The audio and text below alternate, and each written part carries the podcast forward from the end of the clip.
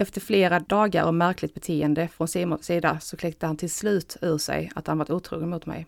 Det hade hänt på firmafesten och med en av sina kollegors flickvän. Sen var det dessutom chocken att man helt plötsligt var själv och man var lämnad och så. Ja just det, jag var ju dessutom bedragen. Ni lyssnar till Destruktiva relationer med Mirre Sennehed och Elisabetta Gräsbäck. Vi har båda erfarenhet av skadliga relationer och är intresserade av hur vi människor beter oss mot varandra. Vad är en destruktiv relation? Vi diskuterar olika relationer mellan människor med fokus på de som kan bli skadliga. Vi bjuder in experter och tar del av er lyssnares egna berättelser.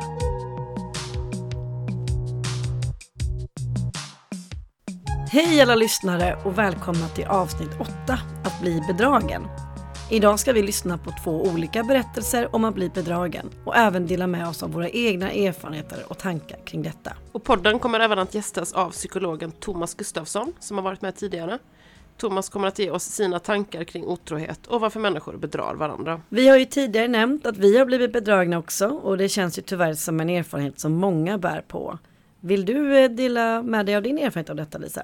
Ja, jag har ju varit med om det några gånger tyvärr. Eh, framförallt när jag var yngre så träffade jag ett par pojkvänner som eh, antingen hade svårt att säga nej till andra kvinnors eh, bekräftelse och till och med letade efter den. Eller så hade de en sexuell aptit där eh, ett förhållande med kärlek och närhet och bra sex inte räckte. Och jag tänker att som ung är man extra sårbar. Eh, jag minns att jag var väldigt självmedveten och kritisk eh, när jag var yngre så jag gick och undrade länge vad det var för fel på mig och varför jag inte dög. Och eftersom historien upprepade sig så såg jag mig själv eh, som den röda tråden och gemensamma faktorn i förhållandena där jag blev bedragen. Vilket jag i efterhand förstår då inte stämmer. För jag tycker att den som gör ett snedsteg i förhållandet är den som ska bära ansvaret själv. Men eh, min sista otrohet, eh, eh min sista upplevelse kring otrohet eh, nämnde jag i vårt förra avsnitt. Jag var ju tillsammans med en man eh, som visade sig ha träffat flera kvinnor under vårt förhållande som varade i cirka fyra år. Och jag är som sagt inte svartsjukt lagd. Eh, jag är inte misstänksam. Jag minns till och med att den här killen irriterat påpekade hur naiv jag var.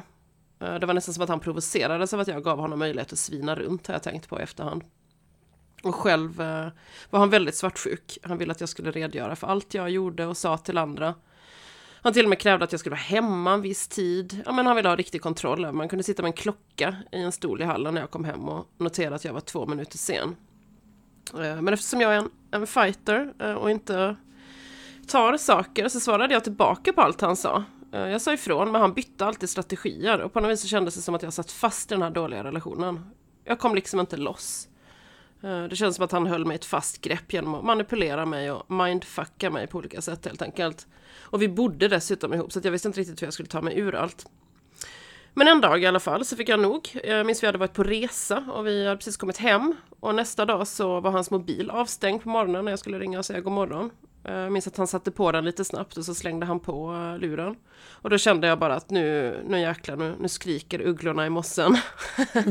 Mm. så jag tog kontakt med faktiskt flera människor runt mitt ex, bland annat kvinnor som jag förstod att han hade träffat, som jag hade gått och haft en känsla kring.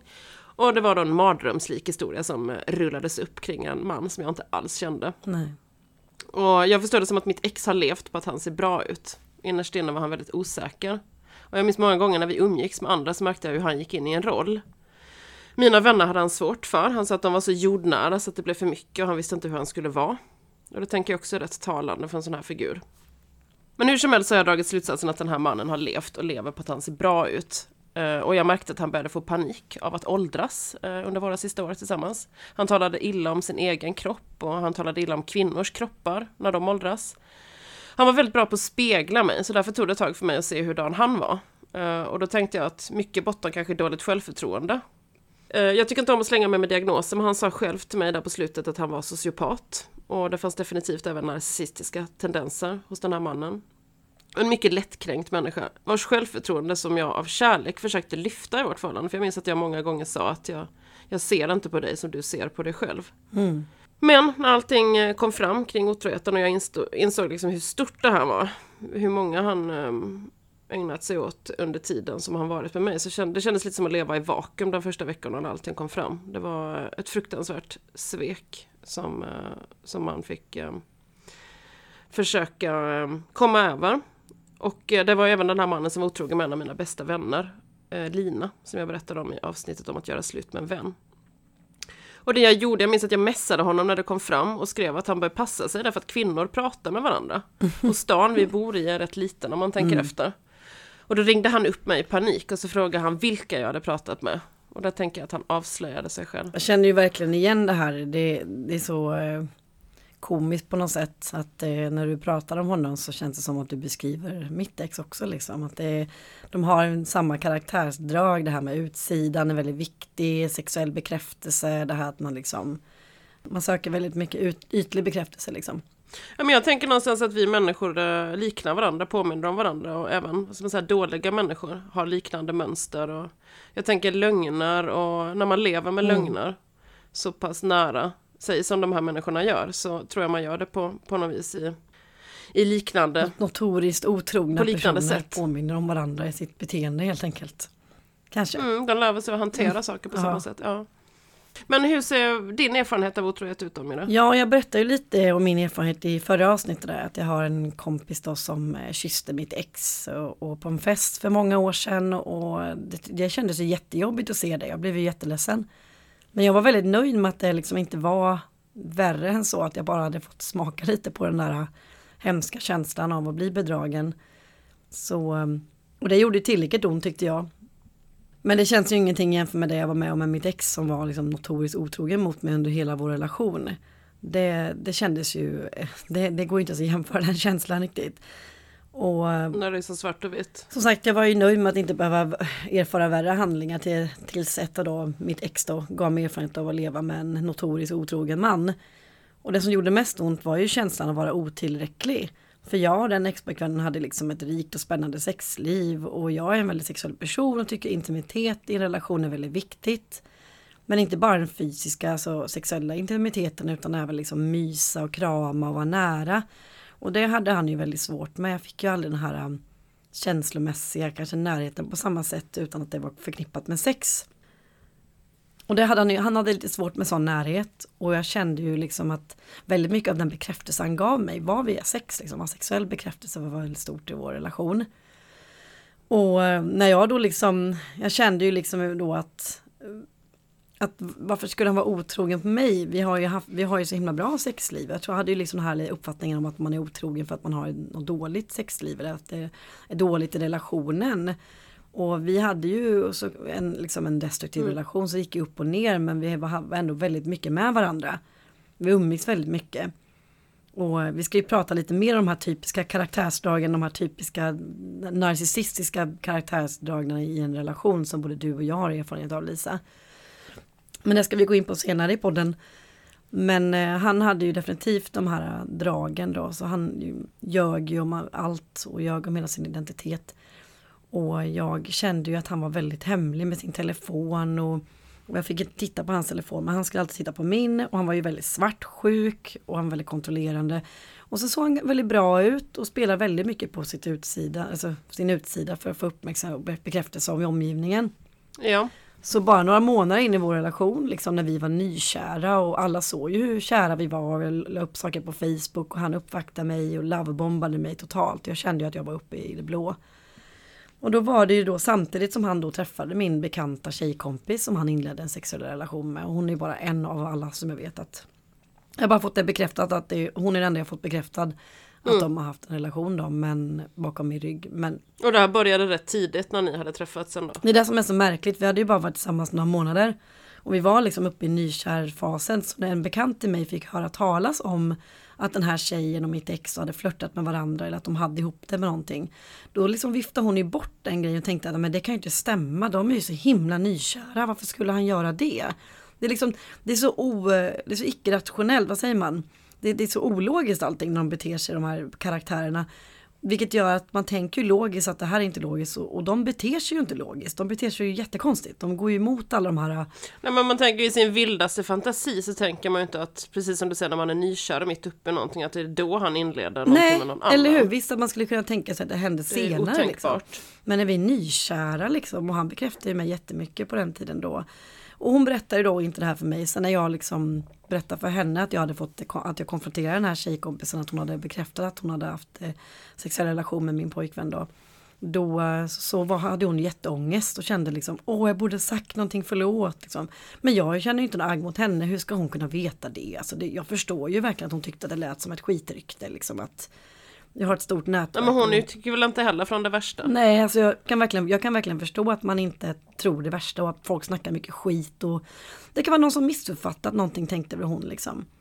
Och jag har ju aldrig varit en svartsjuk person så jag viftade också bort de här tecknen som jag fick av honom. Liksom, han eh, kunde ju flörta öppet med kvinnor för att göra mig svartsjuk. Han ville verkligen göra mig svartsjuk. Och det, det, det liksom, han nästan led av att jag inte ville kontrollera och vara svartsjuk. Och han njöt av, om det blev bråk på grund av svartsjuka så, så njöt han av det. Han gillade att se mig sårad eller orolig liksom. Ja, osäker. Ja, osäker precis. Och eh, han liksom, när jag konfronterade honom och sa att jag misstänker att du är otrogen med mig. För jag hade ju mina olika, magkänslan sa ju det. Och jag kände att eftersom du är så svartsjuk och försöker kontrollera mig så måste det betyda att du själv inte är trogen mot mig. Det är liksom, man känner andra som man känner sig själv. Mm. Och då blev han ju helt, helt knäckt och kunde bara gråta och bedyrade sin kärlek för mig och sa att han skulle ju aldrig vara otrogen. Och jag pratade till och med med hans mamma för jag kände mig osäker, liksom pratade med hans familj. Och, och hon sa ju visst han kan ljuga och betett sig väldigt illa men han skulle aldrig vara otrogen eftersom hans pappa varit otrogen och han, det är det värsta han vet. Läkaren. Och han mm. var ju så himla övertygande när man pratade om de här frågorna. Han kunde liksom bli verkligen så övertygande. Och så väldigt bra på att manipulera var han. Så jag, han, det var så trovärdigt när han förklarade hur för, förstörd han var. Att han, han hade själv varit med om att bli bedragen och det var det värsta han visste liksom. Och vilket i efterhand så känner man ju liksom att han kan han ljuga om hela sin existens och ljuga om liksom jobb och ljuga om sitt hem, ljuga om sin identitet men han kan absolut inte vara otrogen. Där kom det någon slags magisk spärr av moral. Ja, no, precis, det är ju också märkligt, en liten lucka där. ja, och det fattar man ju efterhand. Det är klart om man kan ljuga om precis allt, så klart om fasen man kan vara otrogen. Det, det, det blir väldigt konstigt om man har en väldigt hög moral där liksom. Mm.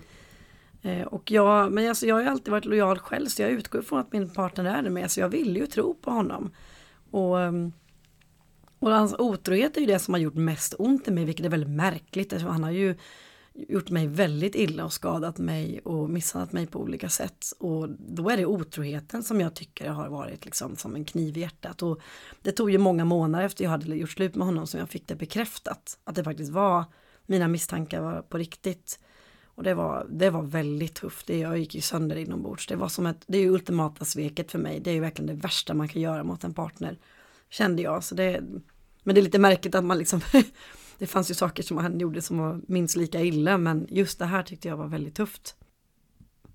Och sen kunde jag tycka det var väldigt jobbigt just att en, att en tjejkompis, en bekant då som han har liksom umgåtts med och som, som har druckit öl med och kramat om och så har hon suttit där liksom och flinat och, och fnissat och, och liksom chattat med honom bakom min rygg och, och liksom legat med honom. Det, det för mig det, oh, det, är liksom, det är så långt ifrån vad jag skulle kunna göra mot en kompis. Det, jag kan förstå att man kan bli kär eller få bli tänd på någon man inte känner men att man gör så mot en tjejkompis är för mig bara Ja men vilket dubbelspel tänker jag så förnedrande för dig Ja men det är just den här förnedringen att kunna sitta där och skåla och så vet, man, vet hon om vad hon har gjort mot mig. Jag tycker det är så Den falskheten är, har jag väldigt väldigt svårt att förstå och jag har ju, kommer aldrig förlåta det. Det är liksom Det är snarare lugnen jag är arg över än själva handlingen.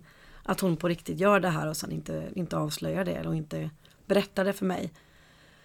Mm. Sen kan jag efterhand förstå varför mitt ex hade Instagram. Han, eh, eh, han gillade inte sociala medier sa han till mig. Och jag har ju sociala medier väldigt mycket och är öppen med det och har olika plattformar. Så han dök ju upp där med alias som inte var hans namn då, med en bild och så. Och då sa jag till honom att hallå du har ju Instagram, varför har du inte sagt att du har Instagram? Nej jag använder inte den. Nej, varför har man då Instagram? Varför har du kvar kontot då? Ja, och sen när man går in på hans konto där så var det bara bilder på honom och väldigt få bilder. Och jag inser ju det att när jag var, konfronterade honom för att otrohet och sånt under vår relation. Då lät han mig kolla sina meddelanden på Facebook. Han visade upp och skulle bevisa för mig. Det gick så pass långt så jag till och med fick kolla hans telefon vilket kändes jättedåligt. Jag gillar ju inte sånt. Det blev ju liksom ett sätt att kontrollera honom på något sätt. Och han kunde ju säga till mig då, men du mm. gör ju så också. Så liksom kunde han vad säger man, ursäkta sin egen svartsjuka för jag var ju minsann också svartsjuk om du förstår jag tänker. Mm. Han projicerade sitt beteende på mig. Och då, jag kollade faktiskt aldrig Instagram. Jag insåg i efterhand, det var det enda jag inte tittade och där var ju förmodligen den största plattformen för Mm. honom att ha kontakt med andra kvinnor. Han la inte upp med mig, han la inte upp några bilder på sina barn eller familj eller någonting så han såg ut som en singelkille. Ja, det men som att kontot. du inte fanns, som att ni inte hade något.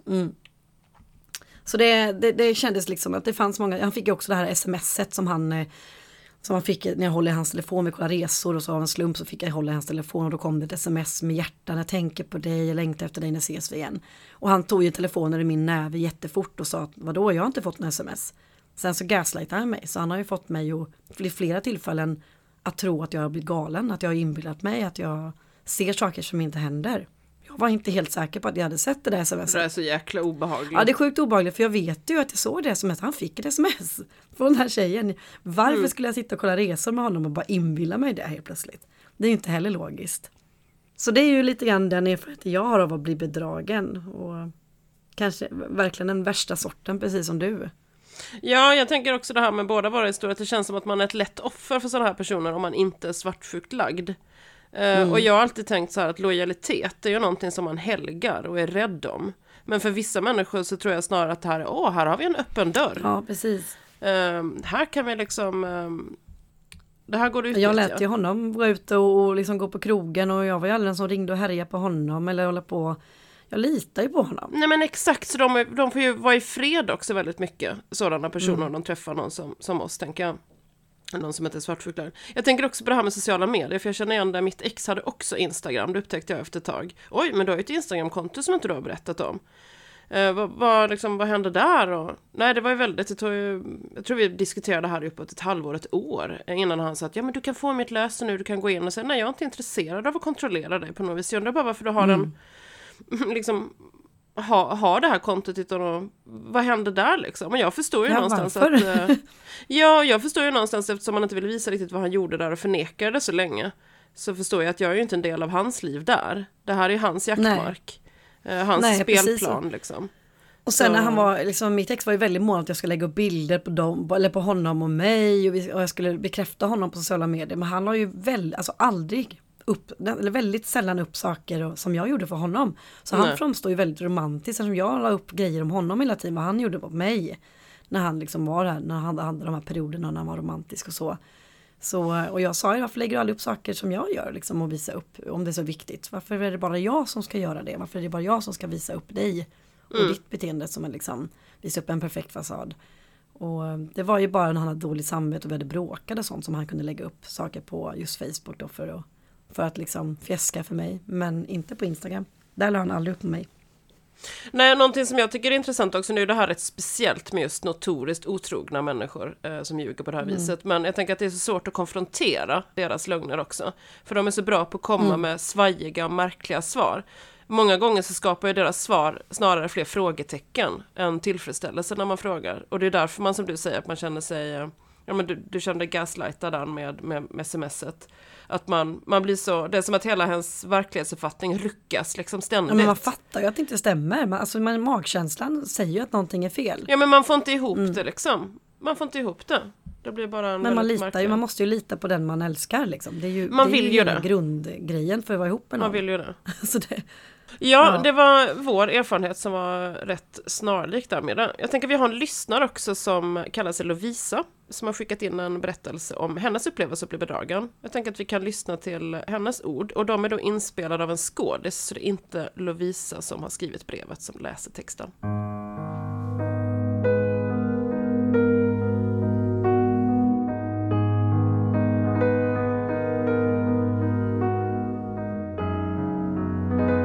Simon och jag träffades i skolan och var vänner från början. Så småningom blev vi kära. Vår relation var alltid väldigt nära och djup. Vi var tillsammans i många år.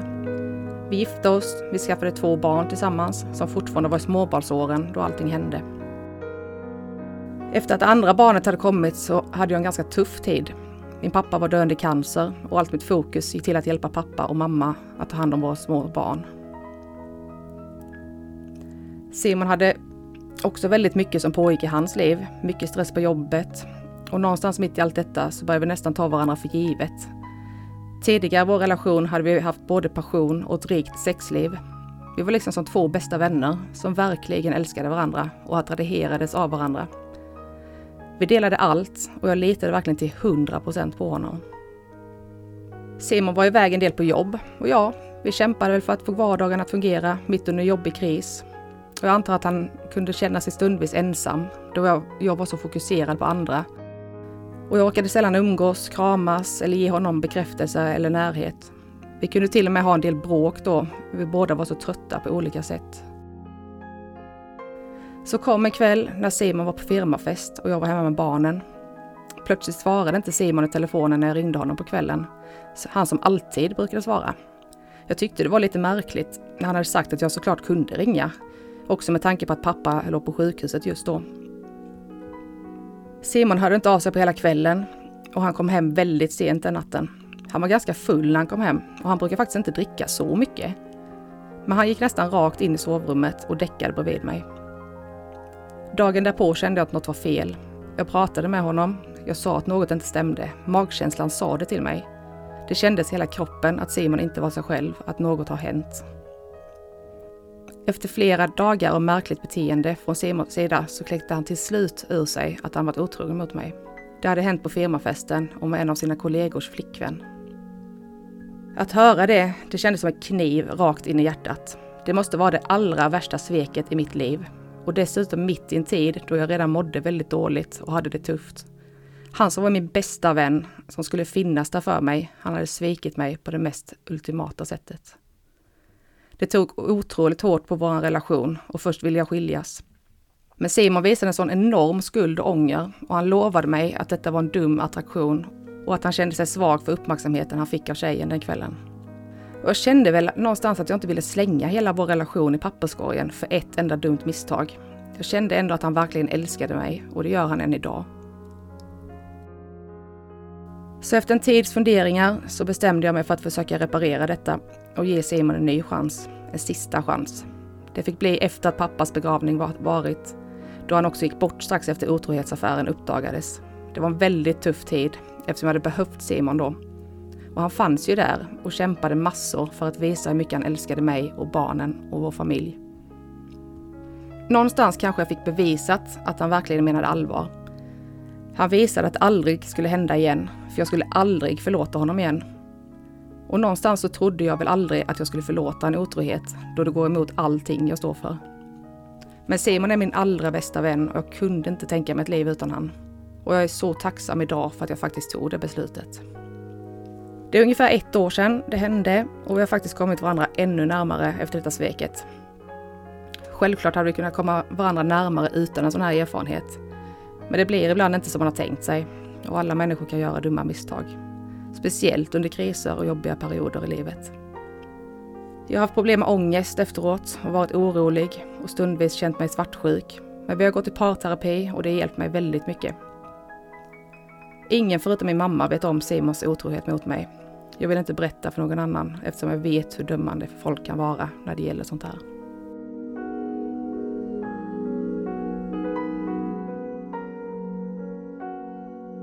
Eh, när jag hör om det här så hör jag att eh, det är ett stabilt och nära förhållande med två människor som älskar och behöver varandra. Och så har förhållandet haft en svacka som tyvärr utmynnat i otrohet för den ena parten. Men jag tror att de har kommit över det hela och tjänat på att de har känt varandra så länge och varit ett par så länge. Att de har något stabilt och tryggt i grunden. Men också att otroheten kom fram så pass snabbt. Mm. Och även att Simon har fått visa eller visa hur mycket han älskar henne och vill finnas där. Eh, har nog gjort att hon har haft lättare att förlåta och gå vidare. Men någonting som jag tycker är lite sorgligt är det här med att Lovisa inte vågar berätta om otroheten för någon mer än sin svärmor. Att hon är rädd för att bli dömd av omgivningen. Jag kan förstå det här med att vänner och familj kan bli upprörda när de hör att någon de älskar blir sviken och bedragen och man vill liksom skydda den personen. Men jag tänker att samtidigt så måste man ha respekt för att det är helt och hållet upp till individen själv och förhållandet till sig hur och om man bestämmer sig för att gå vidare tillsammans efter en otrohet. Mm, att det behöver inte handla om, om brist på självrespekt eller att man låter sig bli illa behandlad. För jag tänker att ett förhållande är mer komplext än så många gånger. Jag har full respekt för att alla löser situationen på sitt vis. Jag tänker att det inte är mitt att lägga Jag har själv förlåtit otrohet och min så omgivningen reagerade då att mina vänner inte tyckte det var en bra idé och att jag liksom fick gå i försvar för det här för att jag tänker att det är mitt, ja, mitt men... beslut. Och man vill ju inte att ens vänner och familj ska avsky ens partner heller, så det är en sån svår balans. Det kan vara lättare Precis. att inte berätta. Men jag tycker det är synd i alla fall, vad jag vill säga, att jag tycker det är synd att människor är dömande kring det som inte är deras, även om jag förstår att det är av omtanke. Ja, jag tror att det finns någon slags syn att, på relationen då, speciellt då i monorelationer, att man eh, tänker den här eh, tanken att allting är så fantastiskt och man ska alltid finnas där och man ska inte så. Man är ju mänsklig och jag känner ju att när jag lär den här, hör den här berättelsen av Lovisa så känner jag ändå att det, jag tror att det är vanligast att det kan bli sådär. Att Det här notoriska och otrogna från en eh, sjuk människa som vi har varit med om är ju inte, tror inte jag är det vanligaste. Absolut jag tror det är vanligt att man går igenom en kris, att man har en tuff tid, man tappar bort varandra på vägen lite grann. Och det händer ett, liksom, det kommer en tillfälle där man mår dåligt och kanske får en bekräftelse och lite dopaminkick liksom och man förs, förs med i det. Och jag har ju liksom haft väldigt svårt att förstå det här med otrohet innan men nu när man lyssnar på lite olika berättelser så känner jag ändå att man kan se en att det inte är så svart och vitt. Nej men att det finns nyansskillnader. Ja, att man är mänsklig också. Jag känner ju det att jag känner ju verkligen, jag känner ju verkligen med, med liksom Simon i berättelsen att han verkligen ångrar sig. Att han känner att han har gjort någonting fruktansvärt. Han berättar tidigt för henne och, och liksom tar ansvar. Och jag känner att hon tar också ansvar för relationen. De söker hjälp och de och liksom har ändå en grundläggande respekt för varandra. Och det tror jag är liksom det viktigaste i en relation, att man respekterar varandra och, och är rädd om varandra och sen kan man göra misstag. Mm. Och sen tänker jag också, har man en barn och är gift och liksom slänga allting som hon säger i papperskorgen för ett misstag, om det verkligen är ett enda misstag. Jag känner att jag ändå kan förstå det beslutet hon tar. Jag är, jag är inte säker på att jag skulle ta ett annorlunda beslut om jag var i hennes situation. Jag vet inte, man vet ju inte själv än för när man Nej, är sånt där där. vet man ju faktiskt inte precis förrän man är där. Exakt. Nej, och jag tror man behöver prata mer om de här grejerna. Om vi alla människor pratade mer om de här problemen som händer i relationer. Dels skulle man kunna upptäcka destruktiva relationer tidigare. För det skulle vara mindre skuld och skam att prata om problem. Och istället för en naturlig del att prata om relationer så skulle man upptäcka om någon far illa liksom mycket tidigare. För det är en naturlig del att prata om olika problem som händer i relationen och så. Att, inga, att folk inte ska liksom gå runt och låtsas som att deras relationer är perfekta liksom. Nej precis. Ja, eh, jag har intervjuat min vän och kollega Eddie Wheeler också då som berättar sin historia om att eh, bli bedragen. Så jag tänkte att vi kan lyssna på den intervjun.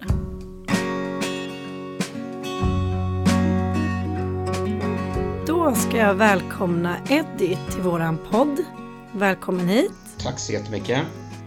Eh, jättekul att du vill vara medverka idag och berätta din historia. Vi ska nämligen prata om att bli bedragen och du ska få berätta om vad du har varit med om. Så jag tänker vi börjar med det, att du berättar om din erfarenhet och vad du har varit med om när du har blivit bedragen. Ja, nej men eh, jag var ju med om en grej för, eh, för några år sedan. Det var ju med min dåvarande liksom. Vi, det vi, hade varit mycket fram och tillbaka och pratat mycket om att skaffa någonstans eh, något gemensamt ställe att bo liksom. Eh, och ja, det, det, det var en tuff period. Jag jobbade mycket och, och hon mådde väldigt, väldigt dåligt. Och jag fick för mig eh, att liksom allting skulle bli väldigt, väldigt bra om vi bara skaffade någonstans att bo. Liksom. Hon skulle helt plötsligt må superbra och allting skulle bara lösa sig på något sätt. Eh, men jag inser ju sen i efterhand att jag blev ju ganska manipulerad faktiskt. Jag, jag, jag fick höra det hela tiden liksom att, att allting skulle lösa sig och allting skulle bli så himla bra. Så alltså, jag trodde ju på det och jag ville ju köra på det. Uh, ja, så att det blev att vi, vi köpte ett hus och vi började renovera och redan då kände man liksom att äh, det här funkar inte så bra. Liksom. Hon mådde verkligen inte bra och det var... Äh, det, funkade helt enkelt inte liksom. Och sen så på, när vi hade bott, när vi hade flyttat in och bott där i sex dagar så på den sjätte dagen så ja, det här är så konstigt, det låter nästan så här ja, men som en film eller någonting liksom men, men eh, det var min pappa som, som eh, bad mig att följa med honom till veterinären med en hund, med familjens hund då. Eh, för de var tvungna att avliva hunden. Den hade fått en sjukdom och ja, mådde verkligen inte bra liksom. Så jag följde med pappa. Eh, och vi åkte till veterinären och vi avlivade hunden och det var jättesorgligt. Och jag och pappa gick ut och satt i bilen och var så här jättedeppiga och det var så himla sorgligt liksom. Sen så åkte jag hem, alltså minns jag det så tydligt. Jag, jag kom in i lägenheten och var nere för det här med hunden och såklart. Och så säger jag så här... Ah, ah, det känns skitjobbigt, nu har vi varit och, och avlivat hunden. Och då ser jag henne liksom framför mig och då sa hon bara liksom att hon bara avbröt mig och liksom klippte bort det med hunden och då tyckte jag det var konstigt liksom. Hon bara avbröt och så sa hon så här Ja, jag har träffat en annan och vi är ihop nu och eh, jag tar mina grejer nu och drar. Och så, och så stack hon bara. Och det var så bisarr. Ja, det var, det var en chock. Det var så bisarr grej liksom. Och det ska ju tilläggas då att, att eh, jag hade ju ingenting emot det när vi gjorde själva köpet och sådär liksom. Men, men, men, det var ju jag som hade stått för, för kontantinsatsen till lägenheten och jag hade ju tagit väldigt, väldigt mycket ekonomiska risker liksom. Eh, och sådär. Så att, och jag visste ju det när hon drog också liksom att jag har ingen chans att bo kvar. Jag har liksom så här, satt, sagt upp min gamla lägenhet jag gillar mycket, flyttat alla prylarna, spenderat liksom alla pengarna vi, vi hade liksom och, och sådär. Och så kan man inte bo kvar där bara efter sex dagar liksom. Alltså, det är århundradets förlustaffär liksom kändes det som. Eh, men inte bara det liksom, det var ju det här. Sen var det dessutom chocken att man helt plötsligt var själv och man var lämnad och så, ja just det, jag var ju dessutom bedragen. Och så visade det ju sig då liksom att den här snubben som hon lämnade mig för, det var ju dessutom en av mina absolut närmsta kompisar. Eh, barndomsvän liksom. Så då kom ju den chocken också att liksom, oj, kan en kompis bete sig så här? Då finns ju liksom Alltså, det, den, alltså jag kan säga... Dubbelt svek på något sätt. verkligen ett dubbelt svek. Jag kan säga så här typ att den veckan efter jag, det här hade hänt liksom, hade det landat ett UFO på, i trädgården så hade jag tyckt att det var mer troligt och verkligt än det som hände liksom. Mm, det var så ja. främmande för mig så jag kunde liksom inte fatta det. Och jag kände mig väldigt så här, typ att jag kände mig så här hur korkad som helst som inte hade sett ett enda tecken typ. Fast jag hade ju det, sen kom det fram. Jag hade ju sett tecken, jag hade sett många tecken men, men jag hade ju valt att inte tro på det. Ja, för det, jag tänkte på dig, så vad har du, såg du några signaler på att, alltså att eh, din flickvän då hade en, någon vid sidan av? Eller märkte du någonting på att eh, hon var otrogen mot dig? Eh, nej, alltså egentligen var det inte några så stora grejer, men, men det var mer att det var en del märkliga saker bara, typ att, ja, liksom att hon, eh, att hon var borta, liksom så att typ vissa grejer när hon skulle bara gå ja, men promenader och sånt. Liksom, att hon var borta väldigt länge. Och sen så, sen så var det att hon tränade ju med honom också. Typ. Hon tränade med, med hon hade flera träningskompisar då, vad man ska säga.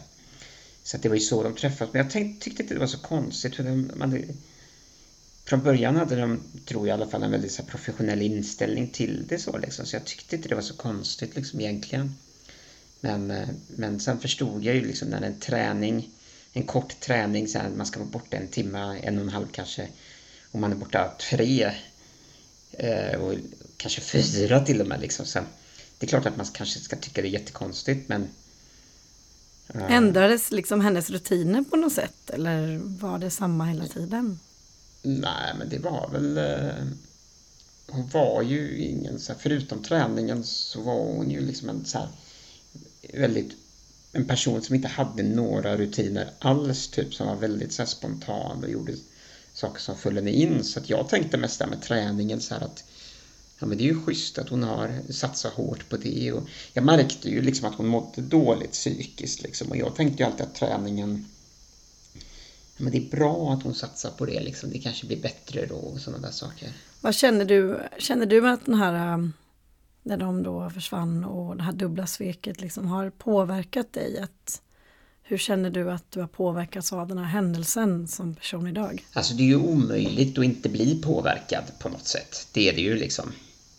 Mm. Och det har ju påverkat mig. Jag skulle ju verkligen ljuga om jag satt och sa att det inte gör det men det är ganska svårt att veta på vilka sätt det har påverkat mig. Som tur var, det jag är gladast över är att det har inte påverkat mig någonting. Jag tror inte jag är liksom jag har inte varit rädd i att gå in i nya relationer efter det. Det har jag, jag har inte varit. Eller typ så här, alla är väl lite, kan väl vara lite så här, tycka det är lite småläskigt och så här, men, men det är inte så att jag har haft liksom så här svårt att dejta någon eller eh, bli kär i någon eller träffa någon eller så. Eller till och med bli ihop, det, det tycker jag inte men, men jag kanske har blivit lite så här lite mer försiktigare och kanske ibland lite mer, på vissa sätt lite mer osäker i min relation. Kanske har blivit lite mer konflikträdd. Eh, men det som har påverkat mig mest nog, och det är en grej jag faktiskt har lite problem med fortfarande idag, det är ju det att jag, jag gick ju in i väggen när det här hände. Det skulle ju såklart vem som helst gjort, men dessutom hade jag skitmycket med jobb och mycket annat runt omkring. Så att jag verkligen liksom så här, verkligen blev totalt utbränd liksom eh, i och med den här grejen. Eh, jag blev både deprimerad och utbränd liksom. Men jag kan ju få lite den där utbrändkänslan ibland. Eh, den kan komma ibland när jag har tuffa, stressiga situationer. Och det hade jag aldrig innan det hände, så att det är ju en grej som tyvärr är fortfarande kvar, att jag kan känna mig... Jag kan ha svårt att hantera en del stressiga situationer. Liksom. Det var ju ganska extrema saker som hände på en gång. Dels att det var din flickvän och sen var det din bästa vän hon var med och dessutom då sitta i en ekonomiskt utsatt situation och, ja. och en hund som då varit en familjemedlem som också då gått bort. Ja, det låter alltså så det, hemskt att säga men hunden var mitt sista, jag glömde bort den där stackars hunden ja, efter det där. Så att det, ja. Nej, men det, det blir liksom. ganska många situationer som är en varje, en av de här delarna är ju jobbig nog för en människa att hantera. absolut. Mm. Mm. Jo, nej, men så var det absolut liksom. Så här, men, eh. Skulle du kunna förlåta det som har hänt eller förlåta henne om hon eller känner du att du liksom Nej men absolut. Nej, men det, det, det låter konstigt men det har jag inga problem med för att jag Det ska tilläggas att den här min kompis då, den här snubben som hon drog med Han och jag, vi är ju kompisar idag vi hade typ två år eller någonting då vi inte såklart pratade med varandra. Det ska tilläggas att det tog slut eh, mellan dem ah, jättekort efter hon gjorde typ en sån grej mot honom igen som hon gjorde mot mig typ kan man mm. säga då. Mm. Eh, hon var otrogen eh, mot honom också eller vad? Ja, jag tror, vi har aldrig riktigt, just den grejen har vi inte pratat om så mycket han och jag så, men, men, men det var något sånt som hände. Eh, för att det var väl, jag förstår ju det och det är några grejer som han har berättat och så förstår jag ju liksom hur psykiskt nere och svårt hon hade med sig själv. Och det var ju, jag tror, det här med att hitta någon och få en romans och dra iväg och bara glömma allting. Det var liksom ett sätt att fly från sig själv lite. Eh, hitta på en, liksom en låtsasvärld och så vara där i några dagar, veckor så man slipper liksom leva med sig själv och, och sitt vanliga liv liksom. Och när det blev lite vardag med han så drog hon där också liksom. Det gick inte, hon kunde inte liksom klara av sig själv i vardagen på något sätt. Vi, vi blev bara som statister egentligen, både han och jag typ. Eh, men, men så, han har jag ju ehm, eh, jag har ju kontakt och har ju, alltså jag har ju verkligen förlåtit honom så men eh, jag har jag, jag släppte emot dem ganska bra, det tycker jag men, men just den kanske osäkerheten att saker, kan inte styra livet och det kan alltid hända eh, läskiga saker och så. Här. Det där är en grej som jag har svårare att släppa och kanske gå vidare. En medvetenhet på något sätt då? Att du är medveten om att saker Nej, men just att man fattar liksom att livet är liksom så här typ att det, det, det låter jättekonstigt att säga så här men, men liksom att livet är på riktigt. Du kan bli påkörd vilken dag och dö liksom. Det är inte så att bara för att du är du så är du osårbar eller eh, att det kommer inte hända dig. Eller, det, det fick mig att förstå liksom att, att livet är på riktigt och jag, jag kan bli, verkligen bli sårad och jag kan få en, ett flygplan i huvudet och dö vilken dag som helst på något sätt. Alltså det, det, det, du, är inte, du är inte odödlig, du är inte osårbar. Eh, och det är en grej som är ganska läskig att acceptera på många sätt för mig. typ. Uh, och sådär. Men, men, men, men jag, jag, känner att jag släppt dem, det, det, det, känner jag både. Men sen ska jag tillägga liksom att jag, jag har ingen behov av att straffa dem eller hämnas eller någonting. För jag tror faktiskt att de straffar sig själva ännu hårdare. För att även fast det var skitjobbigt och tufft att bli sviken och allt det där så jag gjorde ju faktiskt inget fel. Jag har gått tillbaks och tänkt mycket på det här. Gjorde jag något fel? Men jag gjorde faktiskt inget fel. Och, men jag vet att jag vet att han som jag träffar är kompis med, jag vet jag ser på honom ibland så att han tror han mår fortfarande väldigt dåligt över det han gjorde mot mig trots att jag har sagt att jag förlåtit honom. Så tror inte jag han kan förlåta sig själv. Och då känner jag lite det liksom att då behöver inte jag straffa. Jag tror, jag tror faktiskt det är samma med henne också fast, fast hon, hon mådde så dåligt. Men jag tror faktiskt hon mår jättedåligt över det som hände och det är straff nog liksom. Jag behöver inte lägga någon mer skuld på det för dem de ger den skulden själva. Mm.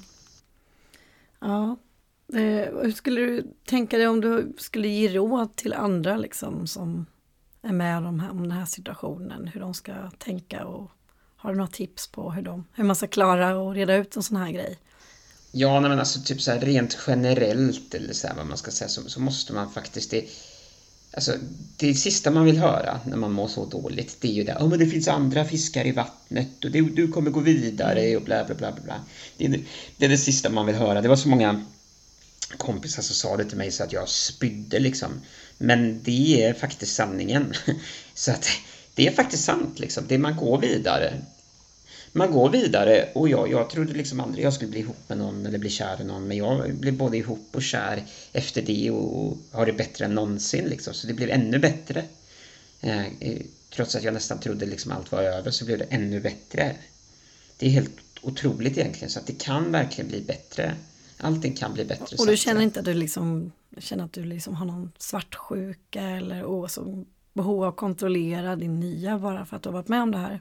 Nej, verkligen inte. För, nej, jag gör faktiskt inte det. Och anledningen att jag inte gör det är för att jag tror att även om jag hade varit jättesvartsjuk och allt så, jag hade inte upptäckt någonting och jag hade liksom inte kunnat styrt någonting ändå. Det enda jag hade gjort är bara skämt ut mig själv kanske eller liksom så på något sätt eh, rättfärdigat hennes beteende mer på något sätt om jag hade liksom hållit på och tjatat om sånt där. Så att jag tror på något sätt känner jag liksom att jag är stolt över att jag tog det så bra ändå, eller vad man ska säga. Och jag, jag är faktiskt inte... Jag är faktiskt nästan ännu mindre svartsjuk på något sätt nu, för att jag, jag känner att nu är det ännu viktigare på något sätt att man är ihop med någon som man kan lita på. Eh, och, och så liksom. Och så där, nej, det, det är konstigt. Jag har tänkt på det jättemycket faktiskt. Men jag, jag har, tatt, har mycket men efter det som har hänt men svartsjuka är faktiskt inte ett av dem, konstigt nog. Nej, och det känns ju som en klassisk grej man kan känna då efter. Ja, jag vet, men, men jag, jag vet inte. Jag, jag, jag är väl inte så klassisk person bara, jag vet inte. Nej, det är bra det. ja. Nej, men det, det, det är jättekonstigt, men, men det gör det faktiskt inte. Utan, eh, det var mer så att jag kände så att, typ att oj, det här är så sjukt och konstigt så att eh du kan inte styra över det på något sätt. Liksom. Eller så tänker jag bara att eh, blixten slår inte ner eh, i samma träd två gånger, typ. Jag vet inte. Nej, inte så ofta i alla fall, som tur var. Nej, inte så ofta. ja. Inte så ofta. Ja, nej men tack så jättemycket Eddie för att du eh, ville gästa podden och berätta din historia om att bli bedragen och hur man kan hantera det. Jätteintressant och jag tror många kan känna igen sig i just det här att flera saker händer samtidigt och, och hur man ska bemästra det och kunna gå vidare och sen även ge lite hopp om att det faktiskt går att bli kär och ha en bra relation även efter en sån här mm. jobbig upplevelse. Ja, det går verkligen. Det ja. går verkligen. Så tack så jättemycket för att du var med. Tack så jättemycket.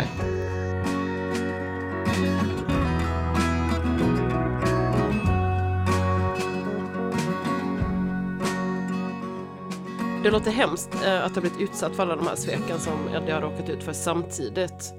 Jag tänker bara nonchalansen kring hans känslor med hunden och situationen, ja överhuvudtaget från exets sida, allt på en gång. Jag tänker känslan av att sitta ensam i ett nyköpt hus när hon har mm. dragit och så har man dessutom blivit bedragen med en av sina bästa vänner. Det låter ju som en mishmash av uh, mardrömslika saker på en gång. Men samtidigt så hör man att Eddie har fått distans till det här nu eftersom han ändå kan förlåta både exet och vännen att han mm. bär inget agg. Och det tycker jag är fint. Alltså både för hans egen skull eh, och för, för andras. Och så tänker jag lite att det kanske underlättat att hans ex betedde sig liknande mot andra, att han har fått höra det. Ja. I och med att du frågar honom att är du, har du varit svartsjuk efter detta? Eller paranoid i, i relationer, då har han inte varit. Att han säger att blixten slår inte ner två gånger i samma träd. Men jag tänker att när man ser kanske att det finns ett mönster hos eh, den andra parten så kanske man känner sig mindre indragen i det själv. Att man kanske tänker Så att... kände jag i alla fall med Ja. mitt ex. Jag menar, jag fick ju veta att han har varit otrogen mot sitt ex med mig. Alltså jag, jag visste ju inte om att de var tillsammans då och han har varit otrogen många, massa gånger och han är ju en sån som är det. Han kommer vara otrogen mot sin kommande och blivande och nuvarande flickvän också. Ja men precis. Det, det är ett beteende han har djupt rotat i sig och har väldigt svårt att se att han helt plötsligt skulle sluta med att vara otrogen. Nej men jag Tyvärr. tänker just det att risken för att bli paranoid eller svartsjuk i framtida förhållanden är mindre om man inser hur unik ens ex har varit. Om du förstår vad jag menar. Nej, precis. Nej, jag tycker också det att det finns en ödmjukhet hos Eddie och den är väldigt fin. Och det är ju ett sätt att kunna gå vidare. Och också det att han säger liksom det här med att det är hans vän som mår dåligt över det som har hänt mest då. För att det är ju vännen som har svikit. Eddie har ju inte gjort något fel. Man har inte rått för situationen. Men det är ju helt sjukt att sådana där grejer händer samtidigt. Alltså bajsmacka efter bajsmacka rakt i nyllet direkt liksom. Det hade ju bara varit pricken och vit om huset brann ner också när han satt där. Nej men det känns Alltså liksom att inga försäkringspengar på Ja, men- det. Och... det händer ju liksom inte sådär. Alltså Ja, allt nej, det här på en gång. Det känns ju väldigt som en Hollywood, alltså känns ju väldigt helt sjukt. Och det är ju så många olika trauman och, och svek samtidigt. Så det måste vara riktigt tufft att gå igenom. Vad säger man, en olycka kommer sällan ensam. Ja men de säger, det finns ju ett ordspråk som heter det av en anledning. Och jag, jag tror ju också det här med att när han också, man blir ödmjuk i att man vet om att den personen som har skadat en och mått väldigt psykiskt dåligt. Och då gör man ju också väldigt egoistiska saker och kan vara ja, manisk och dum liksom. Och göra grejer som man inte kanske gjort om man hade mått bra psykiskt. Och det är också viktigt att tänka på. Att man inte alltid beter sig som man skulle gjort om när man mår dåligt. Såklart, även om man har rätt att bli förbannad också tänker jag. Ja verkligen, absolut. Det ursäktar ju inte. Det är ju en anledning men det är ju det är ingen ursäkt att behandla folk som skit för att man mår ursäkt, dåligt. Det är det ju absolut Mm. inte och man sviker ju inte sin partner för att man mår skit. Men så vet man ju liksom inte allt, alla detaljer där heller riktigt. Men jag tycker att det känns eh, ja, jag, hade, jag hade blivit helt knäckt om det där hände mig så jag tycker att det är starkt att han kan gå vidare och inte vara svartsjuk och, inte, och så försöka och jobba med sig själv att inte låta det här eh, påverka en för mycket. Mm. Men det ger lite hopp också om framtiden att man kan bli kär och lycklig igen Lisa. Nej men jag tänker att båda de här eh, historierna ifrån eh, Mm. Jag tänker att båda historier som Eddie och Lovisa berättar inger ju hopp på något vis att det går att gå vidare. Det går att bli en... eh, Man behöver inte bli sargad utav en otrohet. Ett förhållande behöver inte förstöras och man kan gå vidare.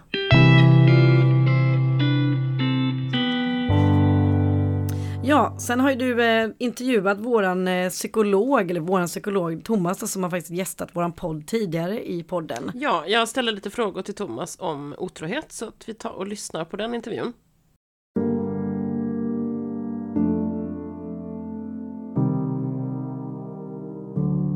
Hej Thomas och välkommen tillbaka till vår podd. Tack så mycket. Det är kul att få vara med igen. Ja, och du är med oss idag för att svara på lite frågor om otrohet. Och jag tänkte börja med en rätt stor fråga. Varför existerar otrohet, tror du? Varför är människor otrogna? Jag tror det finns väldigt många väldigt breda svar på det. Det finns inget ensamt skäl eller ensam drivkraft som får folk att vara otrogna. Man kan ju vara missnöjd med var man är i livet helt enkelt. Det traditionella är väl att tänka att man är missnöjd med sin partner på något sätt. Men ska man vara funktionell så är det ett sätt att tillfredsställa ett behov, att fylla ett hål man har. Och det kan vara nästan vilket hål som helst. En trygghet, en tillit, en äventyrlighet. Men att man saknar någonting i, i förhållandet man är i. Ja, eller inte nödvändigtvis i förhållandet man är i. Det är det jag tänker är det orättvisa. Utan du kan sakna någonting som inte är kopplat till förhållandet. Och vi tänker oss vilt påhittat att du vill vara mer kulturell kanske. Och det är ingenting du förväntar dig att få i ditt förhållande. Så går du ut och kanske är otrogen med en målare för att få den biten i ditt liv. Så man behöver inte alltid kunna knyta det till förhållandet man är i. Utan det kan vara någonting orättvist nog som inte har att göra med en partner. Precis. eh, Det finns ju såklart många olika anledningar som du säger här till att människor bedrar varandra. Men tror du, vad tror du kan vara de vanligaste anledningarna till att man är otrogen mot sin partner?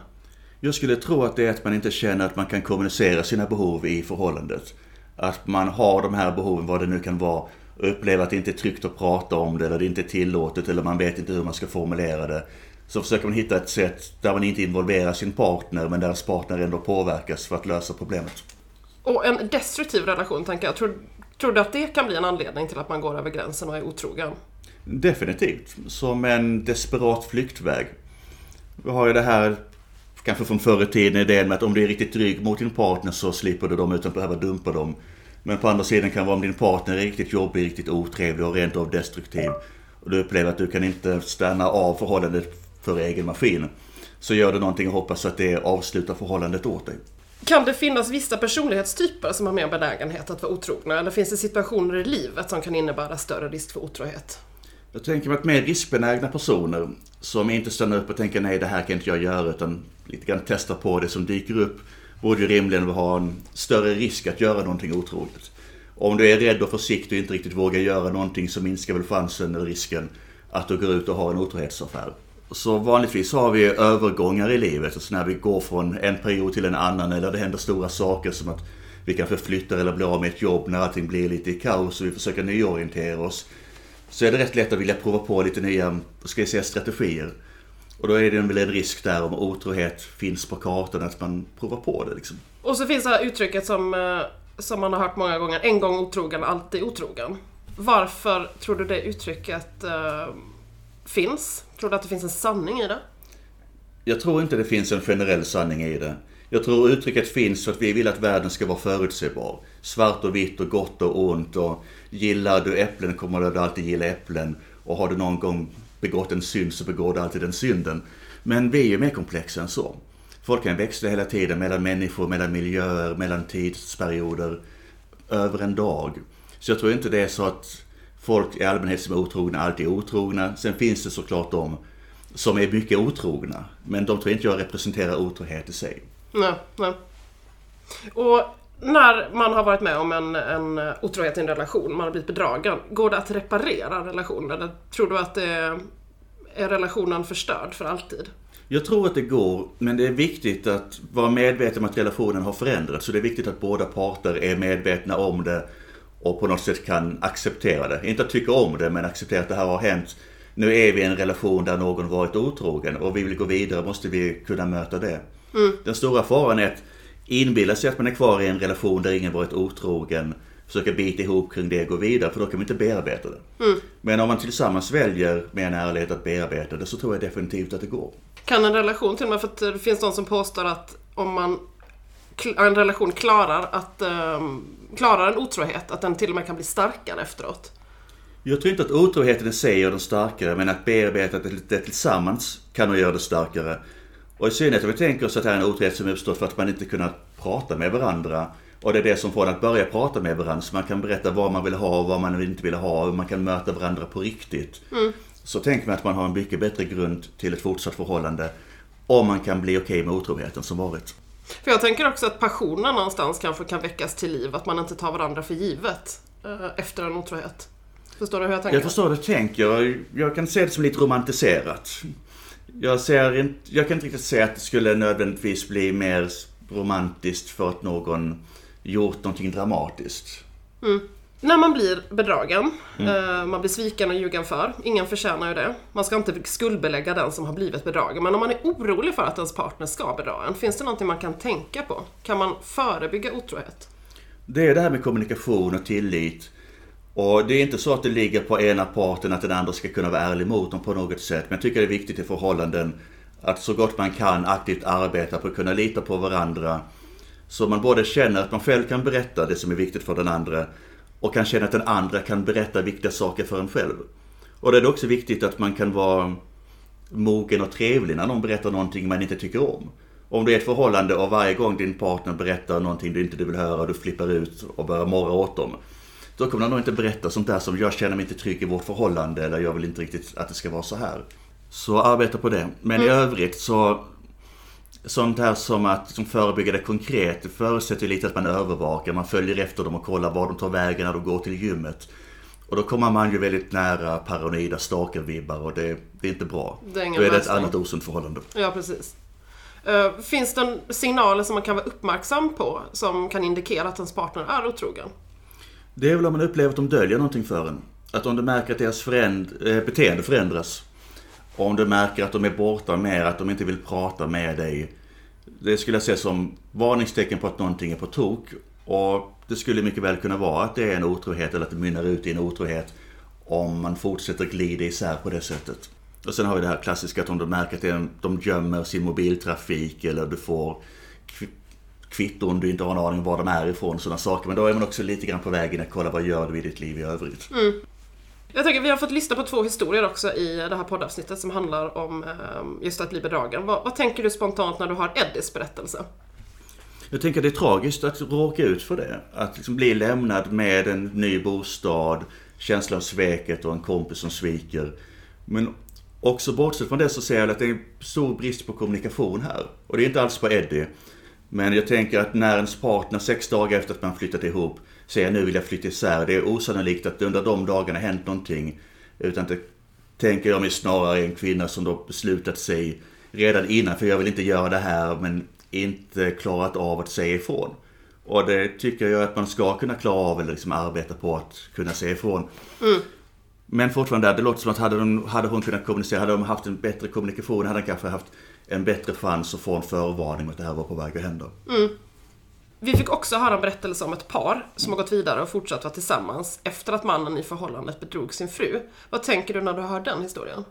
Där tänker jag att det är ett av de här fallen där det sker en livskris. Det är mycket som händer på en gång. Ingen har någon fast mark att stå på. De letar efter olika sätt att hantera allt det här som sker. Och där tycker jag det kan vara mycket lättare att fatta ett riktigt dåligt beslut. Sen så har de löst det väldigt väl. De har kunnat prata om det, bearbeta det tillsammans. Och det verkar som att båda känns vid att det här har hänt. Och sen tagit steg för att det inte ska hända igen. Ta bort omständigheterna i vilka det hände. Och förhoppningsvis också bygga upp en större tillit till att faktiskt se ifrån varandra om någonting skulle börja gå fel igen. Tror du att det är vanligt det här för att eh, frun som blev bedragen här berättar att hon, eh, hon har knappt berättat det här för någon annan. Att eh, det kan vara lite genant att berätta för vänner och familj att man eh, väljer att stanna hos sin partner när man har blivit bedragen. Tror du att det är vanligt? Det tror jag är väldigt vanligt tyvärr. Att folk har ju en norm om man ska ha tvåsamheten och det finns ju traditionen och att man ska vara lyckliga hela tiden och om någonting är jobbigt så arbetar man igenom det och man biter ihop och man är tuffa och hedervärda allihopa. Att i berättelsen om våra liv vill vi i regel inte låtsas som att det finns brister. Att man gör fel. Och tyvärr finns ju den här idén också att skuldbelägga den som blir bedragen. Typ, vad gjorde du fel? Varför gjorde inte du din man gladare och allt det här som jag tycker är rent nonsens. Så jag har full förståelse för att man inte berättar för folk att man varit med om detta från någon deras sida, vare sig den bedragna eller den bedragande. För att folk inte ska lägga sig i och komma med de idéer de har om hur de själva skulle betett sig i bästa fall. Och de då tycker att alla andra ska göra som de tycker att man borde ha gjort för att världen ska vara ordnad och rättvis. Ja, tackar så jättemycket Thomas. Tack för att du ville vara med.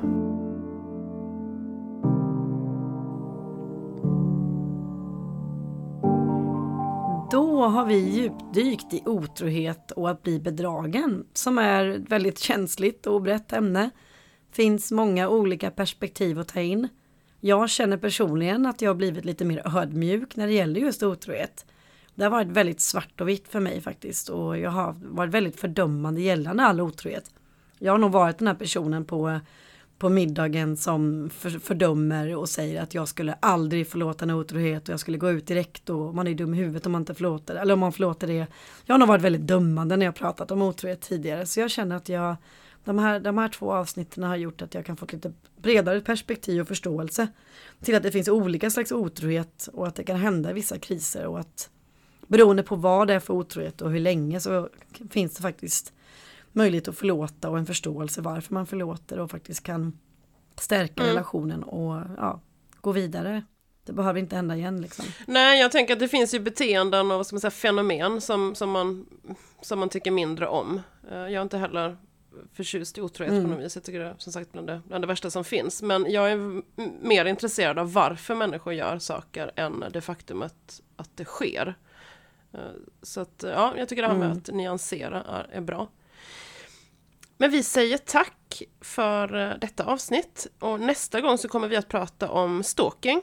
Som också är ett obehagligt beteende för den som blir utsatt. Mm, verkligen. Har du själv blivit stalkad eller utsatt eh, för en stalker så mejla oss gärna din historia på destruktiva relationer podcast at gmail.com. Och glöm inte att följa oss på sociala medier. På Instagram heter vi destruktiva relationer och på Facebook heter vi destruktiva relationer podcast. Så ta hand om er där ute så hörs vi igen om två veckor. Hej då! Hej då!